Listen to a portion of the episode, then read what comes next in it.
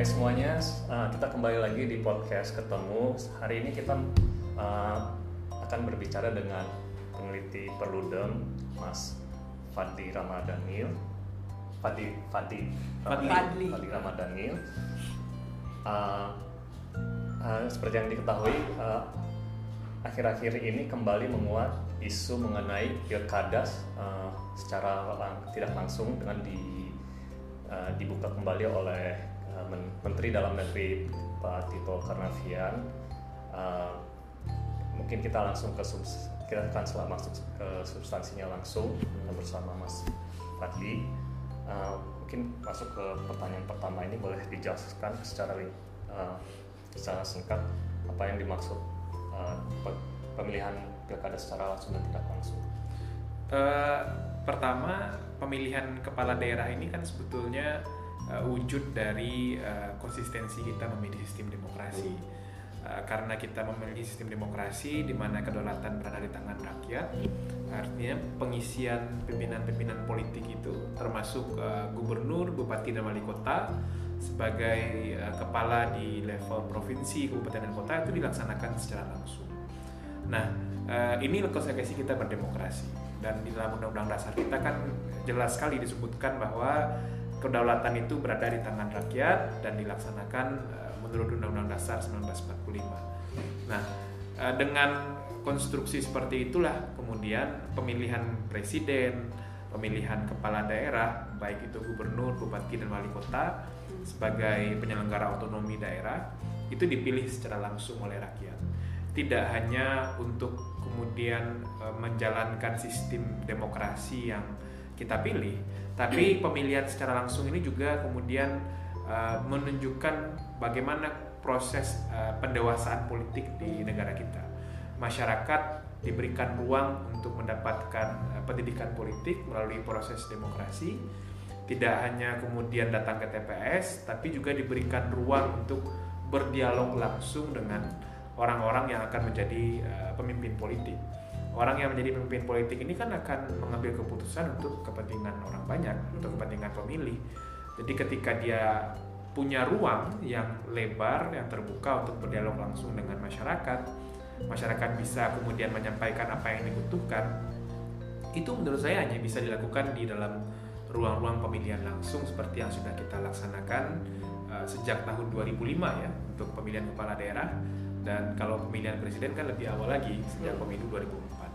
Nah, ini pemilihan secara langsung merupakan antitesa dari pemilihan tidak langsung yang kita laksanakan eh, sejak sebelum-sebelumnya. Mulai dari paling tidak kalau kita hitung dari mulainya Orde Baru itu kan nggak pernah pemilihan kepala daerah itu secara langsung. Itu kan diangkat saja oleh eh, presiden dan baru kemudian sampai kepada masa reformasi lahir undang-undang pemerintahan daerah yang pertama itu kemudian kepala daerahnya dipilih oleh DPRD. Nah, dipilih oleh DPRD ini kemudian disadari tidak memiliki kesesuaian dengan konsep sistem presidensial yang kita anut. Sistem presidensial itu kan secara sederhana bahwa pemegang kekuasaan eksekutif dengan pemegang kekuasaan legislatif itu sama-sama mendapatkan mandat langsung dari rakyat. Dan hubungan mereka itu ada di dalam kerangka check and balances. Saling mengawasi saling memberikan uh, keseimbangan untuk tujuan uh, bernegara. Nah makanya apalagi di dalam proses pemilihan DPRD itu rawan sekali uh, terjadi praktik suap terhadap anggota DPRD yang ujung-ujungnya juga akan membawa kepada praktik korupsi. Dan lebih-lebih lagi yang lebih penting adalah tidak ada ruang partisipasi publik dalam proses di DPRD itu. Masyarakat tidak dihadirkan kesempatan untuk kemudian memilih siapa sebetulnya yang layak memimpin mereka. Apalagi kondisi itu dihadapi di tengah kondisi partai politik yang masih sangat uh, tersentral, kondisi partai politik yang masih sangat tertutup, sehingga dibukalah keran pemilihan langsung uh, mulai tahun 2005 itu agar kemudian masyarakat bisa memilih langsung siapa yang uh, mereka inginkan menjadi pemimpin mereka. Yang kedua, membuka kemungkinan, ini yang lebih penting Mas, membuka kemungkinan lahirnya pemimpin-pemimpin baru, orang-orang yang punya kemampuan tapi tidak punya kesempatan untuk kemudian dicalonkan oleh partai politik, ya ruangnya melalui pemilihan langsung. Meskipun pencalonan kepala daerah kan juga melalui partai, tapi ada ruang untuk kemudian dipilih melalui jalur uh, perseorangan. Ini kan kalau kita melihat sejarahnya, bahkan kepala daerah itu kan nggak cuma ada ketika uh, di masa Orde Baru, hmm. ketika uh, masa penjajahan kolonialisme Belanda pun itu juga sudah ada, walaupun kemudian uh, kepala daerah itu dipilih oleh uh, apa namanya uh, pemerintah kolonial Belanda. Sejarah panjang kita memperlihatkan sebenarnya kan um, dengan adanya pemilihan langsung um, kita sebagai pemilih nih paling tidak juga ini kan hak ya memilih itu kan hak tapi kita juga akhirnya punya tanggung jawab terhadap orang yang kita pilih hmm. gitu nah sekarang ini mau dikembalikan lagi kepada uh, pemilihan tidak langsung kalau perlu dia melihatnya seberapa urgentkah ini untuk kemudian dikembalikan lagi menjadi pemilihan tidak langsung?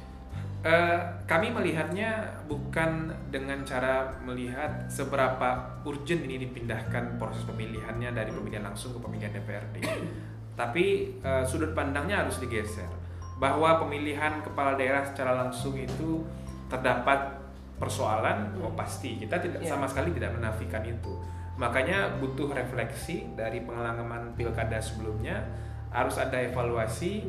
Kemudian tentu tentu saja evaluasi itu untuk tujuan perbaikan di pilkada-pilkada berikutnya. Dan melakukan evaluasi itu tentu banyak instrumen, banyak aspek yang harus diperhatikan. Nah, ketika tiba-tiba ingin mengevaluasi pemilihan kepala daerah, tapi langsung melompat kepada mengubah sistem pemilihannya, ini yang menurut saya kegagalan melihat masalah. Jangan-jangan sebetulnya ruang untuk kemudian menyatakan pemilihan langsung ini bermasalah jangan-jangan ya jangan-jangan ini hanya memang ingin memindahkan sistem pemilihan saja ke DPRD untuk kepentingan kelompok-kelompok elit politik tertentu. Jangan-jangan nih. Nah makanya ketika mereka bicara soal harus ada evaluasi terhadap sistem pemilihan langsung yang sudah dilaksanakan uh, selama 14 tahun ya dari 2005 yang lalu kenapa tiba-tiba langsung mengganti sistem pemilihannya? Hmm. Nah, sementara kita dulu bergeser dari sistem pemilihan tidak langsung kepada pemilihan langsung karena kita marah terhadap sistem pemilihan yang tertutup. Uh, tidak ada ruang partisipasi masyarakat. Kemudian tidak lahir figur-figur baru, regenerasi politik tidak berjalan. Kemudian kita bergeser ke pemilihan langsung. Sekarang ada persoalan dalam pelaksanaan pilkada, kita mau memperbaikinya, tapi tiba-tiba logikanya loncat ke mengganti sistem pemilihan. Nah ini menurut saya e, cara berpikir tidak tepat. Kalau kita mau mengevaluasi pilkada, oh sepakat sekali kita bahwa ada banyak aspek yang harus dievaluasi. Kalau kita ikuti ya e, catatan-catatan Kemendagri terutama dan juga disampaikan oleh beberapa partai politik bahwa biaya pil, biaya politik pilkada itu sangat besar itu catatan kita sejak tahun 2011 2010 Perludem sudah ngomong itu dan tentu saja jalan keluar dari biaya politik yang besar itu yang harus diformulasikan dalam sebuah regulasi. Jadi bukan sekedar kemudian tiba-tiba, oh karena biayanya besar harus kita ganti ini sistemnya. Berarti kan kita harus melihat sebenarnya um, apa sih yang membuat biaya itu jadi melonjak begitu nah, tinggi. Nah itu poinnya Mbak Erika menurut saya kalau kemudian uh, pintu masuk ke Mendagri dalam melakukan evaluasi pilkada itu soal biaya politik yang tinggi, hmm. kan dia bertanggung jawab untuk men menyasar masalah. Hmm. Biaya politik yang tinggi itu untuk apa sih sebetulnya? True. Nah, itu itu harus dijawab dulu. Hmm. Jadi kalau Pak Tito bilang biaya politik tinggi, kemudian untuk menekan biaya politik ini harus mengganti sistem pemilihannya itu melompat cara berpikirnya. Hmm. Tapi kemudian dengan biaya politik yang tinggi, kita harus mengevaluasi pilkada, kita harus jawab dulu biaya politik yang tinggi ini dikeluarkan untuk pos apa? Yeah. Itu harus dijawab dulu. Hmm. Nah, faktanya sekarang kalau kemudian kita bicara biaya politik yang dikeluarkan calon ya, rujukan formilnya nih, Mbak, rujukan rujukan resmi kita tentu laporan dana kampanye si pasangan calon. Hmm laporan awalnya, laporan penerimaan sumbangannya sampai laporan, laporan akhirnya. akhirnya. Hmm. Nah, kalau kemudian statement Kemendagri mengatakan untuk jadi bupati saja orang menghabiskan 20 miliar sampai 30 miliar, kita cek aja di laporan dana kampanye calon itu nggak ada yang sampai mengeluarkan uang sebanyak itu. Hmm. Jadi sebetulnya satu ya Kemendagri harus bertanggung jawab. Statement orang mengeluarkan 20 sampai 30 m itu sumbernya dari mana? Hmm sumbernya dari mana? Yang kedua, kalaupun memang iya, kalaupun memang iya, harus dijawab lagi uang yang mencapai angka 20-30 M itu Buat dikeluarkan siapa? untuk apa? Ternyata bukan dikeluarkan untuk kampanye. Hmm. Jangan-jangan nih, jangan-jangan lagi nih, uang yang banyak itu dikeluarkan untuk sesuatu hal atau sesuatu perbuatan yang nyata-nyata sudah memang dilarang atau nggak boleh dilakukan dalam pemilihan kepala daerah. Hmm.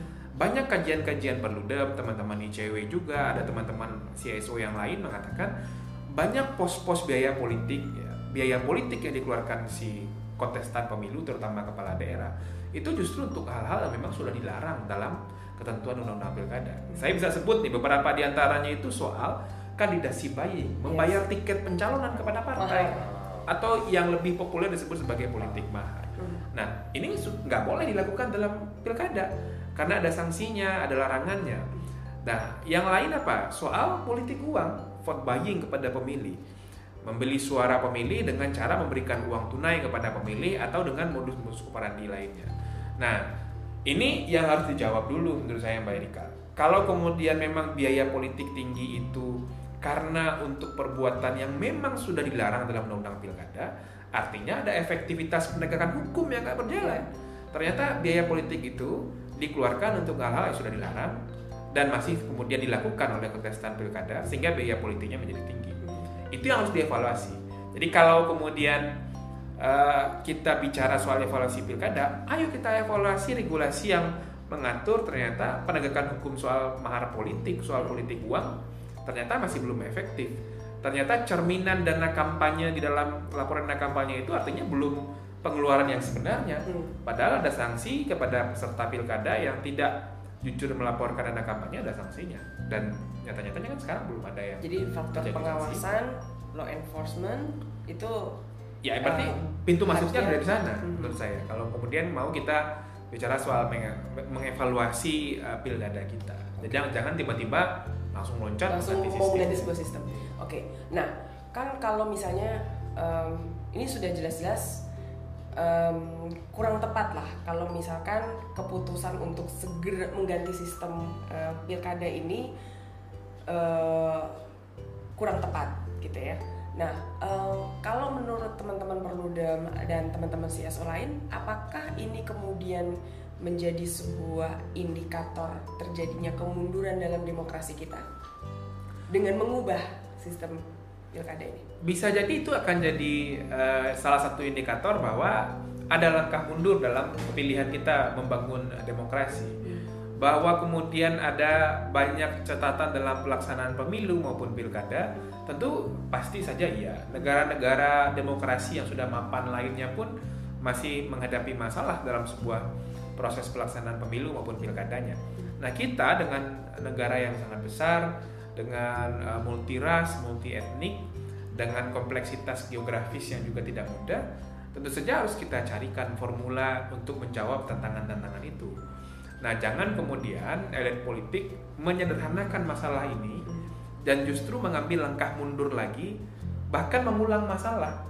Kalau kemudian pemilihannya kembali ke DPRD, ini kan mengembalikan masalah ke masa lalu. Dan kemudian kalau mereka bicara soal biaya politik yang tinggi ya, jangan-jangan ini memindahkan uang saja dari awalnya Dari diberikan awalnya pemilih, buat pemilih, sekarang, sekarang diberikan diberikan- kepada anggota DPRD. Dan jangan lupa loh, ketika pemilihan langsung itu si kandidat kan perlu membayar tiket pencalonan. Ini sudah rahasia umum lah. Ya. Partai politik nggak bisa ingkari ini. Nah, itu ada yang bayar eh, 2 miliar, 3 miliar, bahkan ada yang puluhan miliar untuk level pemilihan gubernur. Itu baru sampai batas menjadi calon. Belum tentu terpilih menjadi kepala daerah. Karena yang menentukannya kan pemilih. Pemilih. Kalau digeser ke DPRD, pemilihannya oleh DPRD, membayar partai atau membayar anggota dewan itu jaminannya terpilih langsung jadi kepala daerah. Kan mereka cukup menangkan 50% plus satu dari jumlah anggota dewan yang ada. Misalnya anggota dewan paling banyak di provinsi mana? Ada 100 misalnya. Artinya dia cukup menangkan 51 orang dari anggota dewan yang ada. Nah, untuk jadi calon saja orang berani mengeluarkan puluhan miliar rupiah, apalagi jaminannya terpilih jadi calon. Ya. Jangan-jangan nanti biaya politik ya, ini biaya politik ya yang dikhawatirkan Kemendagri dengan uh, stakeholder yang bicara soal evaluasi pilkada bisa jadi lebih besar kalau kemudian mengalihkannya ke DPRD. Dan jangan lupa itu prosesnya sangat tertutup. Ya. Bagaimana kemudian bisa melakukan Memastikan. pengawasan terhadap proses itu? Dan itu akan menjebak lagi anggota DPRD kita dalam proses dalam praktik suap. Nah ini yang kemudian harus difikirkan betul. Eh, kalau kemudian bicara soal biaya politik tinggi. Nah kalau sedikit bisa masuk ke hal yang agak teoritik ya, memilih pejabat eksekutif dengan dipilih oleh lembaga DPRD yang notabene itu lembaga legislatif itu nggak cocok, nggak matching dengan sistem presidensial. Nggak ada di negara mana pun pejabat eksekutif dipilih oleh pejabat oleh kekuasaan legislatif dalam konsepsi sistem presidensial. Itu sistem parlementer yang kemudian pemerintahan eksekutifnya dibentuk dan dipilih oleh uh, kekuasaan legislatif. Nah, jadi jangan campur aduk lah, jangan kemudian dicampur aduk uh, untuk kepentingan uh, politik sesaat, pragmatis jangka pendek, sehingga nanti kita justru akan melahirkan dan memunculkan masalah-masalah baru. Tadi sempat disinggung soal pemilih. Kita tadi itu udah ngomongin biaya, sekarang kita ngomongin pemilihnya. Sebenarnya kalau dilihat dari partisipasi pemilih itu sendiri selama uh, dari 2005 kemudian sampai uh, ada penggantian bukan di sistem tapi lebih kepada uh, sistem pemilu uh, pilkadanya serentak di 2015 karena melihat kayaknya kalau ada pilkada setahun itu sampai ada berkali-kali pemilih juga bosan. Nah kalau melihat dari partisipasi publiknya sendiri sebenarnya voter turnout dari setiap pilkada itu menunjukkan sebenarnya pemilih uh, lebih bergairah untuk uh, memilih langsung pemimpinnya atau tidak sih? Kalau dari dari ini ya pantauan teman-teman perludem. Kalau secara angka partisipasi pemilih itu kan fluktuatif memang. Iya. Dan itu bukan uh, subjek yang berdiri sendiri, Mbak. Hmm. Jangan kemudian soal partisipasi pemilih yang turun naik di dalam setiap pilkada ke pilkada itu hanya dibebankan kepada pemilih saja. Hmm. Artinya jangan-jangan pemilihnya jenuh nih Hmm. atau jangan-jangan pemilihnya nggak mau datang ke TPS karena capek dan segala macam. Jangan lupa loh, itu bukan variabel yang berdiri sendiri. Hmm. Jangan-jangan harus dilihat juga secara objektif pemilih nggak mau datang ke TPS itu satu karena sosialisasi kepada pemilih Ya. untuk kenapa mereka penting ikut serta dalam pilkada masih Hmm. kurang. Ini kan Itu kan program pendidikan pemilih politik. Ah. Nah yang kedua, jangan-jangan pemilih nggak punya harapan lagi terhadap calon-calon yang dicalonkan oleh partai politik. Hmm. Jadi pemilih semua kan orang sekarang sudah sudah sudah bisa mengakses informasi. Semua hal sudah terbuka sekarang. Kalau kemudian orang melihat dan menilai ternyata orang yang dicalonkan partai itu bukan orang yang memberikan harapan, ngapain orang milih?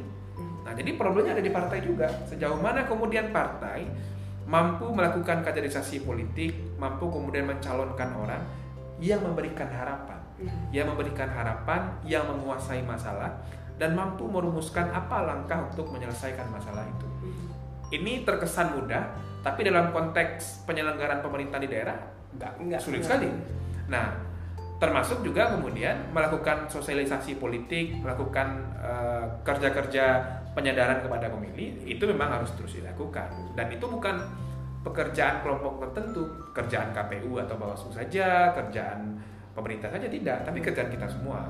Eh, partai politik punya tanggung jawab soal itu, kita semua punya tanggung jawab soal itu untuk kemudian melakukan penyadaran kepada pemilih kenapa mereka penting berpartisipasi dalam pilkada. Selain soal uh, penataan jadwal pemilunya itu menjadi sangat penting juga. Hmm.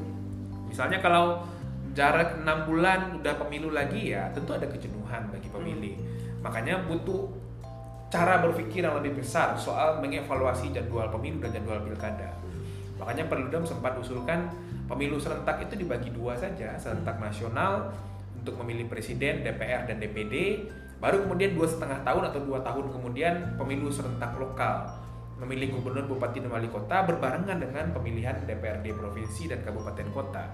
Itu ke depan kita hanya punya dua hari pemilu saja, dan itu akan menghindari kebosanan pemilih. Dan yang kedua ada ruang untuk mengkoreksi atau ruang mengapresiasi kekuatan politik baik di level nasional maupun di level lokal dengan jarak pemilunya yang nggak terlalu jauh mbak. Hmm. Sekarang kalau kita marah sama DPR, marah sama presiden, kan harus tunggu lima tahun untuk kemudian untuk- menghukumnya melalui proses pemilu. Hmm. Dan harus diakui kadang-kadang kan ingatan kita pendek ya. Hmm. Lima tahun itu terlalu lama untuk kemudian mengevaluasi. Adi? Ais. Eh, Ais. Uh, ini uh, kita menyinggung soal evaluasi. Uh, saya penasaran kalau saat ini apakah sudah ada evaluasi mengenai pemilu? Karena dari Kemendagri uh, mereka punya evaluasi sendiri, dari uh, teman-teman CSO punya evaluasi sendiri. Sebenarnya untuk masalah pilkada ini apakah ada evaluasi yang komprehensif dan yang bisa disepakati secara bersama-sama atau atau justru karena ketidak ketidak apa ketidakadaannya itu jadi bagian dari masalah kalau evaluasi kalau perlu memang sudah banyak beberapa aspek soal tingginya biaya politik itu sudah sudah ada evaluasi soal efektivitas penegakan hukum yang nggak berjalan kemudian belum adanya pengaturan yang eksplisit dalam undang-undang pilkada itu soal batasan belanja kampanye hmm. jadi harus dibatasi berapa sih maksimal seorang calon bupati dan seorang calon wali kota dan seorang calon gubernur itu boleh membelanjakan uang dalam kampanye. Mm. Kalau batasan sumbangan kan sudah ada, Mm -hmm. Tapi kalau batasan belanja, meskipun itu sudah ada, tapi belum eksplisit dan tegas. Berapa sih angka berdasarkan uh, telaah atau semacam appraisal ya terhadap kebutuhan-kebutuhan belanja kampanye di masing-masing daerah itu berapa? Yang boleh kemudian dikeluarkan agar biaya politiknya nggak terlalu jor-joran. Ya. Nah, itu salah satu yang pernah kita hasilkan kajiannya. Yang kedua, ada kemudian biaya-biaya kampanye yang dibebankan kepada negara yang harusnya paslon nggak boleh lagi melakukan itu. Hmm. Itu yang kemudian membuat biaya politik itu menjadi sangat tinggi. Nah, misalnya soal iklan di media masa cetak dan elektronik itu kan pos-pos kampanye yang sangat besar, hmm. termasuk juga soal alat peraga. Nah, itu yang kemudian harusnya tidak boleh lagi dilakukan secara jor-joran. Yang lain soal penataan sistemnya uh, yang membuat pemilih jenuh dan kemudian juga agar kemudian pemilih tidak terlalu sering menghadapi event-event pemilu, keterbelahan politik itu kan berpengaruh juga kepada uh, sosial pemilih. Nah, makanya harus ada penataan soal jadwal pemilihan kepala daerah.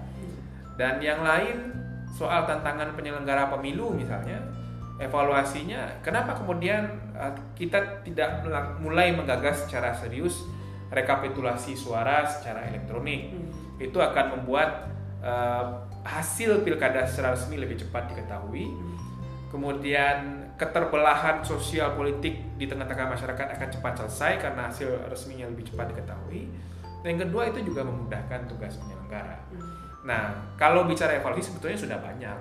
Nah, makanya sekarang tergantung sih kepada pemerintah ya, terutama Kemendagri, sejauh mana mereka mau membuka diri untuk menjalin komunikasi politik dengan warga negara, terutama kelompok-kelompok civil society, kampus, media, yang pasti sudah banyak sekali memberikan refleksi dan catatan serta rekomendasi untuk perbaikan pilkada. Karena kita belajar di kasus undang-undang KPK misalnya itu kan komunikasi politik pemerintah dengan masyarakat kan nggak jalan. Ya. Jadi nah makanya terlalu cepat kemudian mengambil kesimpulan akhirnya gaduh kan di ruang-ruang publik. Nah jangan sampai kemudian di isu pilkada itu terjadi lagi karena pengalaman 2014 ketika pemerintah uh, memutuskan pilkada tidak langsung padahal masyarakat mayoritas menginginkan pilkada langsung itu kan akhirnya undang-undang pilkadanya diperpu oleh Presiden SBY dan ini kan mencerminkan ketidaksiapan pemerintah dalam kemudian menyiapkan regulasi sehingga kegagalan juga bagi pemerintah untuk menangkap maunya publik seperti, seperti apa. apa. Tapi sudah pernah ada maksudnya sudah pernahkah uh, bertemu langsung dengan pihak Kemendagri dari teman-teman civil society untuk membahas soal ini? Kalau untuk sesi perdebatan pasca uh, keluarnya keinginan melakukan evaluasi pilkada langsung, kalau perlu dia belum. Tapi kan beberapa kelompok civil society kalau yang pernah diberitakan Tempo kan sudah ada ya. Hmm. Dia ketemu dengan kemitraan dan kemudian mereka minta kemitraan untuk uh, melakukan evaluasi. Saya kira kita nggak tahu juga update-nya seperti apa. Tapi tentu saja sebagai civil society perlu dem dengan uh, organisasi masyarakat sipil yang lain kita akan meng, tentu kita akan berupaya membangun komunikasi dengan Kemendagri sepanjang tentu saja Kemendagri juga mesti terbuka untuk mendengar banyak masukan. masukan dari juga membuka data bukan klaim-klaim. Iya betul makanya klaim 20 30 m itu kan harus based on studi ya. Mereka sebetulnya dapat angka itu dari mana? Hmm. Jangan-jangan memang di, dijelaskan itu dapat. belum belum sama sekali dijelaskan. Jangan-jangan memang ada kepala daerah yang ngaku ke Kemendagri hmm. mengeluarkan uang sebanyak itu. Nah itu kan penting sebetulnya iya. informasinya, yeah. Pak.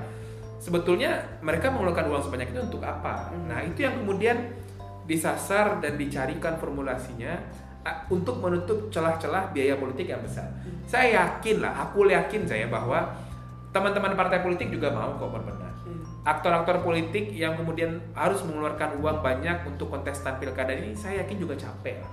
Mereka pasti mau memperbaiki diri sepanjang kemudian ini harus lahir dari komitmen bersama dengan niat baik untuk kemudian menjaga dan memperbaiki sistem pilkada kita. Oke. Nah, tadi tadi um, kita udah ngomongin soal anggaran, kita udah ngomongin soal partisipasi pemilih. Um, ini kalau misalkan ini pilkada 2020 hmm. uh, sudah waktunya udah mepet banget. Kalaupun misalkan dari pemerintah ingin segera merevisi um, sistem, um, menurut uh, teman-teman perludem, uh, apakah ini bisa dilakukan di 2020 atau sebaiknya melihat uh, nanti uh, itu dibahas lebih lanjut untuk pilkada ke depan? Kalau kemudian mau memperbaiki regulasi pilkada untuk beberapa aspek, misalnya soal aspek penegakan hukum, hmm. soal aspek pembatasan belanja kampanye, kemudian memastikan partai politik itu melakukan pencalonan secara demokratis, kalau pemerintah dan DPR punya keinginan segera merevisi undang pilkada bisa diterapkan di dalam pilkada 2020 uh, eh, karena kan ini masih lama masih 2 hmm. September tahun depan kan? Nah jadi menurut saya nggak ada masalah. Sekarang tinggal sejauh mana kemudian komitmen pemerintah dan DPR mau memperbaiki undang-undang pilkada. Dan kalaupun kemudian ini baru mulai direvisi di tahun 2020 kita berharap revisi yang dilakukan itu betul-betul komprehensif hmm. juga melakukan sinkronisasi dan harmonisasi dengan undang-undang pemilu agar tidak ada lagi tumpang tindih dan kemudian ada kepastian hukum soal penyelenggaraan pilkada. Misalnya soal uh, pilkada bagi daerah yang menyelenggarakan di tahun 2017 dan 2018 18. kemarin. Itu kalau kita rujuk undang-undang pilkada yang berlaku sekarang, Mbak, itu nggak ada lagi pilkada di 2022 dan 2023 di mana masa jabatan kepala daerahnya habis. habis ya. Dan mereka di, akan melaksanakan pilkada lagi 2024 serentak secara nasional. Coba bayangkan misalnya di 101 dan 171 daerah di tahun yang pilkada 2017 2018 itu harus mencari PLT ya. selama satu tahun dan dua tahun. Hmm. Itu bisa guncang, pemerintahan ya. daerah menurut saya. Dan itu kan nggak mudah siapa nanti yang akan jadi PLT-nya. Hmm itu harus diperbaiki. Mestinya tetap saja ada pilkada di tahun 2022 dan 2023. Nanti serentaknya bukan di 2024, tapi nanti bisa di 2026 atau 2027. Itu bisa diskenariokan ulang. Kita sudah punya beberapa simulasinya. Kalau pemerintah mau ngobrol, kita sangat terbuka sekali untuk kemudian uh, mensimulasikan waktu itu. Nah, ini menurut saya yang harus dilakukan. Jadi jangan kemudian hanya uh, revisinya perbaikannya sektoral, hmm tapi di sektor yang lain dibiarkan meninggalkan lubang yang menganga tapi menimbulkan persoalan baru. Nah ini yang harus betul-betul di, diseriusi oleh pemerintah karena sekarang kan katanya punya komitmen untuk menyelesaikan paket undang-undang politik di tahun 2020 hmm. agar kemudian ada waktu untuk sosialisasi, yeah. mempelajari, melakukan simulasi hmm. sehingga di 2024 pemilunya hmm. bisa jauh lebih baik. Hmm. Oke, okay. um, pertanyaan terakhir. Um, untuk menjelang uh, pilkada 2020 uh, hal-hal apa aja yang sebenarnya um, harus dilakukan terutama dari uh, pihak pemerintah dan penyelenggara uh, pemilu. Saya fokusnya satu soal anggaran, Mbak. Sekarang kan biaya pilkada itu masih dibiayai oleh uh, APBD daerah masing-masing. Kemampuan keuangan daerah kan berbeda-beda. Nah, Uh, dari kalau kita pelajari persoalan persiapan anggaran ini kan uh, sangat sangat pelik ya di masing-masing daerah. Ada daerah yang APBD-nya banyak, mungkin nggak ada persoalan soal persiapan anggaran pilkada. Hmm. Tapi ada daerah yang kemudian APBD-nya itu sudah habis untuk belanja rutin dan kemudian harus membiayai pilkada yang juga puluhan miliar rupiah, ada yang makan sampai ratusan. Nah ini menjadi salah satu PR bagi pemerintah bagi DPR untuk melakukan semacam uh, audit lah terhadap 270 daerah yang pilkada itu audit di awal mana nih daerah yang punya potensi yang uh, persoalan anggaran nanti di tengah tahapan pilkada. Nah itu harus dicarikan solusinya dari uh, awal agar kemudian ini tidak mengganggu tahapan pilkada. Nah yang kedua soal efektivitas penegakan hukum. Ini kan pencalonannya belum mulai. Ya. Tentu penjajakan dengan partai politik sudah dimulai. Nah untuk menguji agar kemudian biaya politiknya tidak lagi tinggi, efektivitas penegakan hukum harus dimulai menurut saya. Eh, jangan lagi kemudian partai politik meminta uang yang begitu banyak kepada pasangan calon, pasangan calon yang menjanjikan uang yang begitu banyak kepada partai, karena itu yang akan membuat biaya politiknya menjadi tinggi.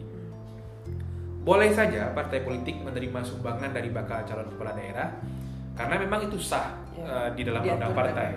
Boleh, bisa ada ada nominal maksimalnya dalam satu siklus anggaran. Tapi tentu itu harus dicatatkan, harus dilaporkan dan tidak boleh lebih dari nominal yang diatur di dalam undang partai. Nah, ini yang menurut saya partai kita harus berbenah dan harus uh, mengembalikan komitmennya untuk kemudian konsisten uh, menumbuh kembangkan demokrasi sesuai dengan semangat awal.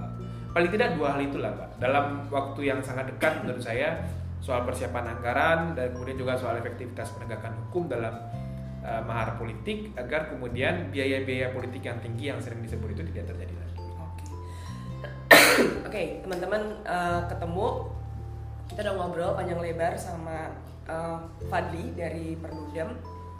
Jadi memang em, urusan em, sistem pemilu pilkada ini nggak semudah membalikkan telapak tangan, di mana kita bisa langsung bilang, oh kita harus mengganti sistem gitu. Harus ada em, ujian uh, harus ada evaluasi terlebih dahulu terhadap pelaksanaan pilkada-pilkada sebelumnya dan kemudian dicari solusi yang memang uh, ideal dan terbaik uh, untuk penyelenggaraan uh, pilkada berikutnya. Nah jadi um, terima kasih banget Terima kasih uh, Mas. Mas Adli buat Sama. diskusinya hari ini. Um, next kita akan um, punya ketemu lagi Iya. dengan uh, teman-teman yang lain dan nggak kalah asiknya. Jadi um, kalau ada teman-teman yang punya topik-topik uh, ingin dibahas sama ketemu, boleh langsung um, direct message ya, direct message di uh, rumah kebangsaan uh, Instagram kita ya, uh, rumah kebangsaan. Oke, see you later, bye.